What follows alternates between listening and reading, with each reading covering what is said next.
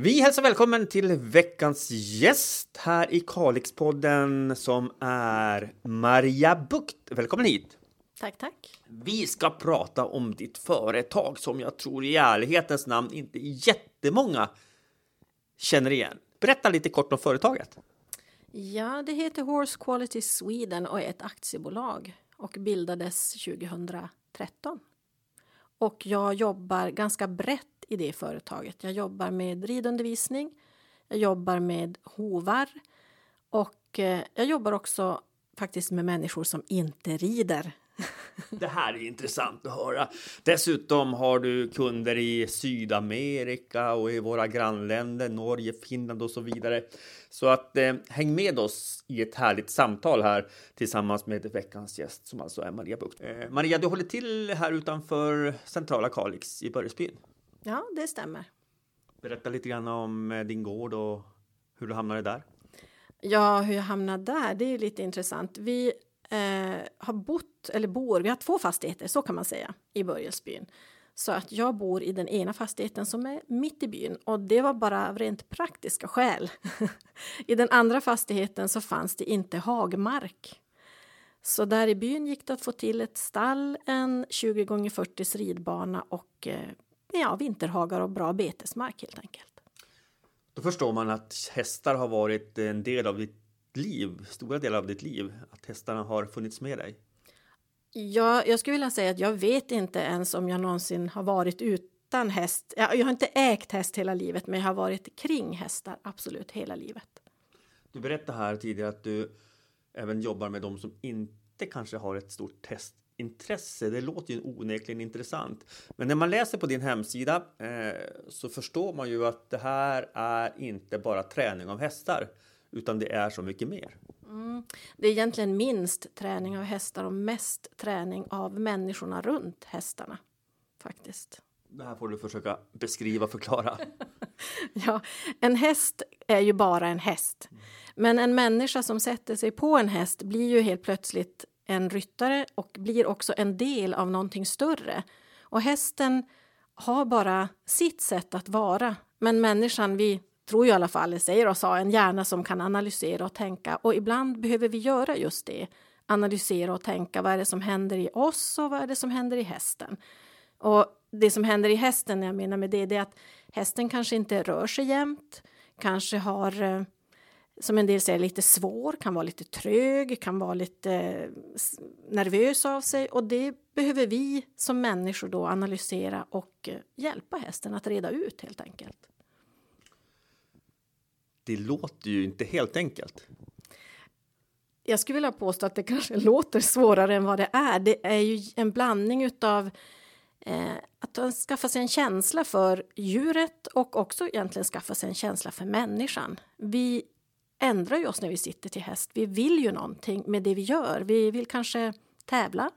Vi vill kanske eh, lyfta fram någonting speciellt hos hästen och eh, hästen är fortfarande bara en häst och den, vi ska samarbeta med det. Vi ska lyfta fram det bästa hos människan, hos oss då som ryttare, eller hos hästen.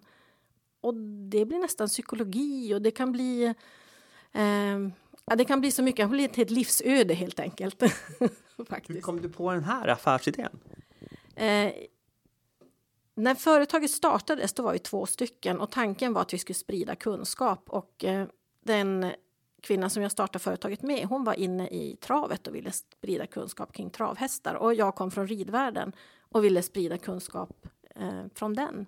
Jag har varit ridskoleryttare i alltså 18 år av mitt liv och jag upplevde att det fanns en del eh, som man inte fick lära sig helt enkelt och som jag väldigt gärna ville ge till andra ryttare. Och det här har ju då spridit sig, inte bara här i Kalix, för den stora kundgruppen finns inte här utan den finns på andra ställen. Mm. Ja, det är så. Jag undervisar mest faktiskt eh, utomlands.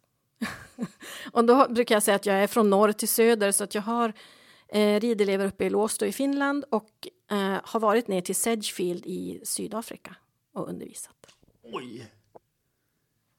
det måste du berätta mer av, varav den här kontakten och hur det var och hur det är.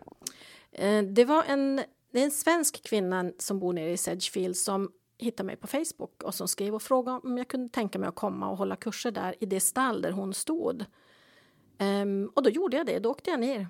Och så var jag där några svängar, det här var innan covid. Så jag var ner några svängar till Sydafrika och gav ja, ridlektioner helt enkelt. Och det var alltså det var ju helt annorlunda land om man så säger. Väldigt vackert. Men utmaningarna för ryttarna i Sydafrika är samma som utmaningar för ryttare i Finland, som för ryttare i England, som för ryttare i Norge och så där. Så att eh, umgänget med häst och människans relation till häst, det är på något vis eh, universellt. Vi har samma bekymmer, samma utmaningar och samma möjligheter. Hästhållningen i, syd, i det här landet, var det? Är det, det? Och jag, när vi åkte in till stallet där, då var det såna riktiga Dallasgrindar som man hörde bara... De har ju, eh, de som undervisar där, de har ju verkligen hästarna för att de har råd. Alltså det är en lyxsysselsättning där. Så det var fint stall, fina miljöer, eh, grooms och stallpersonal och de behövde inte göra speciellt mycket på det sättet. Om man är hemma själv här, då mockar vi skiten själv. Det är bara så. Hur var det att få undervisa i den miljön då? Alltså det är ju magiskt faktiskt. Då står man där på en, de har en stor gräsplätt och så var det då bergen i bakgrunden och blå himmel och varmt och fint och eh, ja, det är ett stort landskap. Det är ett stort landskap där nere. Så att jag tyckte det var, var en ynnest att få åka dit faktiskt. Det var riktigt roligt. Om vi går tillbaka till just att driva ett företag och så vidare. Det här gör du ju då på sidan om ditt ordinarie jobb. Men hur är det att bedriva ett företag tycker du? Jag tycker att det är utmanande. Jag tycker att man lär sig väldigt mycket om sig själv. Det handlar ju om att, eh, att marknadsföra sig själv. Det handlar om att göra ett bra jobb. Det handlar om att drivas utav någon, ja, vad kan man säga, någon vilja som är större än att bara tjäna pengar faktiskt. Och särskilt tycker jag när man är i den här branschen som handlar så mycket om relationer att man jag vill verkligen hjälpa människor och hästar till en bättre relation. Det är när man får till det, när man ser att det när hästen blir nöjd och slappnar av och när ryttaren känner att det blir som de, blir, det, som de vill, det, det blir en sorts lycka faktiskt. Så det kicken är lyckan jag tänkte, går det att beskriva den känslan när du kan förmedla det här och du ser resultatet? Eh, ja, eufori tror jag räcker ganska bra. det är faktiskt en, en lycka därför att när jag far därifrån då vet jag att det har blivit långvarigt bättre mellan två individer som ibland har kämpat ganska länge med att nå fram till varandra. Så jag tänker mycket på det. Det är mitt huvudfokus. Det är relationen mellan två individer. För det är så, ska man lyckas tillsammans då exempelvis inom ridsportens värld eller trav och så vidare så handlar det om ett samarbete, ett samspel mellan djur och människa. Och kan man få ett intimt samarbete mellan de två individerna så brukar också resultatet bli bra. Mm, absolut, absolut. Och det är ju, det är ju någonstans är det, alltså en häst är alltid en häst det är på något vis vi människor som växer eh, i relationen till hästar. Det här med kentauren är en idealbild, att, att vi ska vara förenade. Och när det uppstår, när man verkligen ser att hästen och ryttaren har blivit ett eller är förenade, det, det är liksom magi. Det, det har ju du känt, du har ju kört trav. Så att, att, ha en häst som svarar, som nästan att du bara tänker och den gör det du tänker. Ja, hur går det till? Men, men lycklig blir vi det, det blir man av det. Alltså. Vad är det som gör hästen till ett sånt fantastiskt djur som du ser det?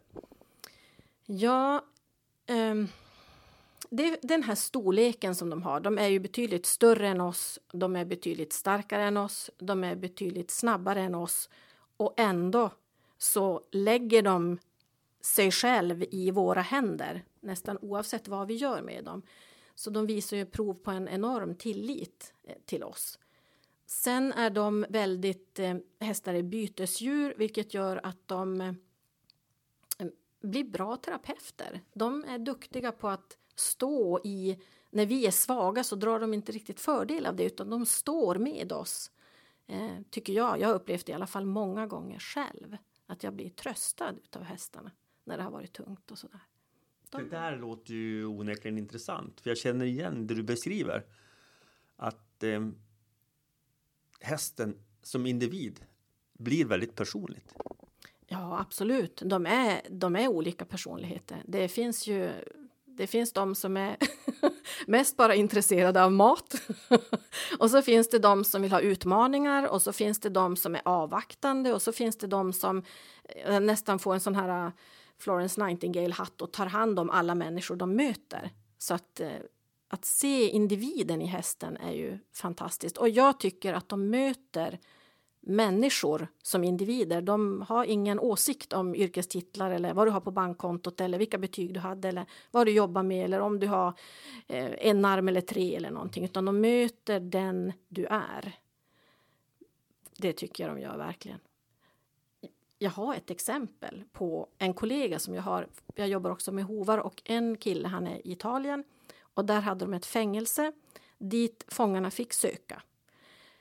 Och eh, bland annat hade de hästar där som de hade, som kunde söka och få yrkesutbildning, alltså några blev hästskötare. Och då märkte de eh, hur hästarna stöttade de här individerna eh, på ett sånt sätt att eh, Alltså hos hästen kunde de här som kunde vara både mördare, rånare, alltså grovt kriminellt belastade, kunde ändå få bli människor.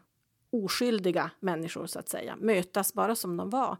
Så att de fick en otroligt bra procent på minskat återfall i brottslighet. Så det där växte sen med hästterapi då i, i, på det där fängelset där de utbildade. Eh, men alltså, de kunde söka dit och bli snickare och kockar och elektriker och allt möjligt. Men de stora skillnaderna hos människorna, fångarna där då, som söktes dit, det var de som var med hästarna. Så det är eh, intressant. Winston Churchill har väl sagt att det är någonting med utsidan på en häst som är bra för insidan på en människa. Och det stämmer, tycker jag. Hur är det annars att bedriva ett företag då här eh, i Kalix eh, i den här branschen? Ja, hur ska jag säga? Det är... Ehm, jag driver ett företag i Kalix. Jag tycker jag driver ett företag i hästvärlden. Och då blir ju Kalix bara en liten bit. Det jag har gjort här hemma det är att jag tycker om att förmedla kunskap. Det behöver inte alltid vara min egen kunskap. Jag har också tagit hit instruktörer eller människor jag har träffat som besitter stor kunskap. Eh, och det tycker jag är minst lika viktigt. Att ta hit bra kunskap som finns ute i världen. Eller i Sverige också. Det har jag också haft några kurser med människor från duktiga instruktörer från Sverige. Kan du ge något exempel sådär på någon som har varit här hos dig på gården i Börjesby? Mm. Jag eh, har till exempel haft eh, Ed Dabney, googla honom.